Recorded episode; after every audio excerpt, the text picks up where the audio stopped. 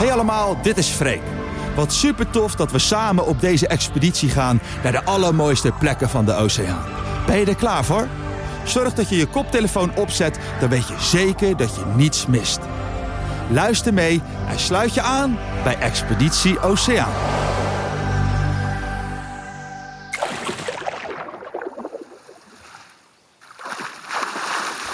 Ah, geweldig dat jullie even met me meezwemmen. Ik ben op een fantastische plek, namelijk een koraalrif. En koraalriffen barsten van de dieren, van de kleuren en ook van de geluiden. Hoe een koraalrif klinkt? Luister maar.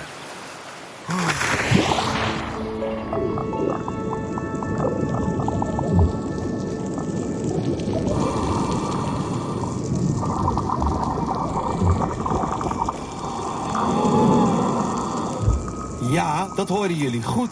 Wat een drukte. Het lijkt wel een soort onderwaterstad. En je kan aan die geluiden horen of je te maken hebt met een gezond koraalrif of met een stervend koraalrif. En eigenlijk is dat natuurlijk heel logisch, want het zijn alle dieren samen die de geluiden maken. Minder dieren en minder soorten dieren betekent dus ook minder geluid. Het geluid van zo'n rif is tot in de verre omtrek te horen. Dat komt omdat geluidsgolven in water veel beter en sneller verplaatsen dan in de lucht. En zo kunnen zeedieren het geluid van een koraalrif handig gebruiken om er de weg naartoe te vinden. Ze horen van ver al of het een gezonde, geschikte plek is om een thuis te vinden. Of gewoon om een pauze in te lassen op hun lange reis. Hoe gaaf is dat? En de geluiden op een rif komen vanuit alle hoeken en gaten. Bijvoorbeeld kleurige papegaaivissen die de algen zo van de steenkoralen schrapen. Of garnalen die hun veilige holletjes inschieten. De zeesterren en krabbetjes die over de rotsen schuifelen. De meeste geluiden worden door alle vissen gemaakt. Kortom, koraalriffen bruisen van het leven. Het zijn net oases in een woestijn. En de koralen staan aan het begin van deze bijzondere oase. Zonder hen zou er leegte zijn. Of slechts een paar soorten dieren. En daar dan weer heel veel van. Kortom, een saaie boel dus. Neem nu die koraalduivel, daar verderop. Koraalduivels zijn roofvissen met een enorme eetlust. En hier in de Indische Oceaan hebben koraalduivels zelf genoeg natuurlijke vijanden. Zodat het er nooit te veel worden. Maar op andere plekken, bijvoorbeeld in de Stille Oceaan, zijn ze in zee losgelaten door mensen. En dat is niet zo slim. Want nu vormen deze rovers daar een plaag.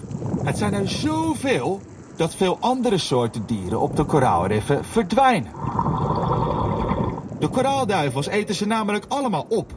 Daar kunnen ze zelf natuurlijk niet veel aan doen. Dat is hun natuur, hun instinct. Op die plekken met veel te veel koraalduivels is er dus helaas geen evenwicht meer. Dat is super zonde. Dat is in dit koraalrif gelukkig wel anders. Wat een pracht en praal. Zo mooi.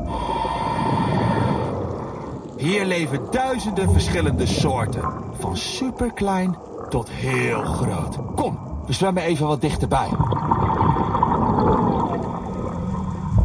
Koralen zijn geen kleurige stenen of planten. Het zijn dieren. In hun eentje zijn de koraalpolypen klein. Een paar millimeter groot. Maar samen zijn ze enorm. Een soort superdier. Sommige koraalriffen zijn zelfs vanuit de ruimte te zien. Er zijn trouwens zachte koralen en steenkoralen. Koraalpolypen van steenkoralen vormen de rotsen. Zij filteren kalk uit het zeewater en maken daar hun uitwendige skelet van. Een soort beschermend schild om hen heen. En daar binnenin zit het weke lijf.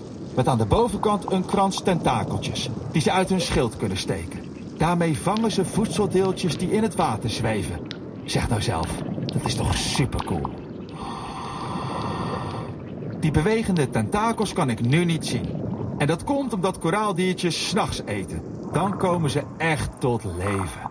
Geen wonder dus dat koralen, voor veel duikers en snorkelaars, niet echt op dieren lijken, maar op stenen en planten.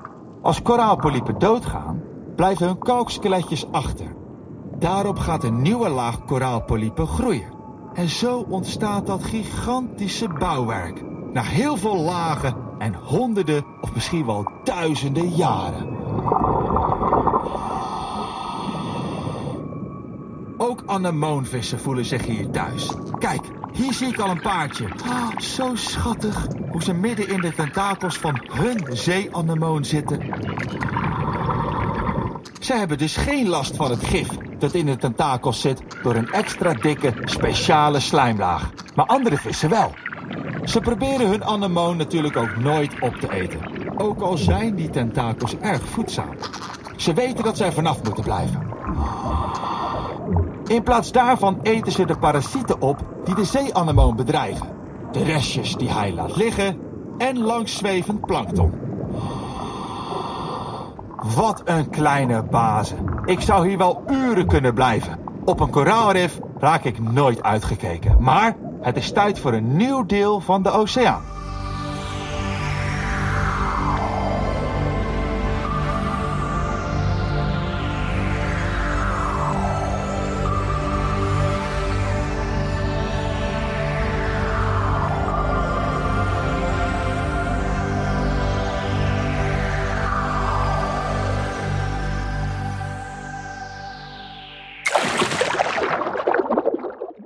Ben je klaar voor de volgende ontdekkingsreis? Mooi, want er is nog heel veel meer te ontdekken met Expeditie Oceaan van Albert Heijn.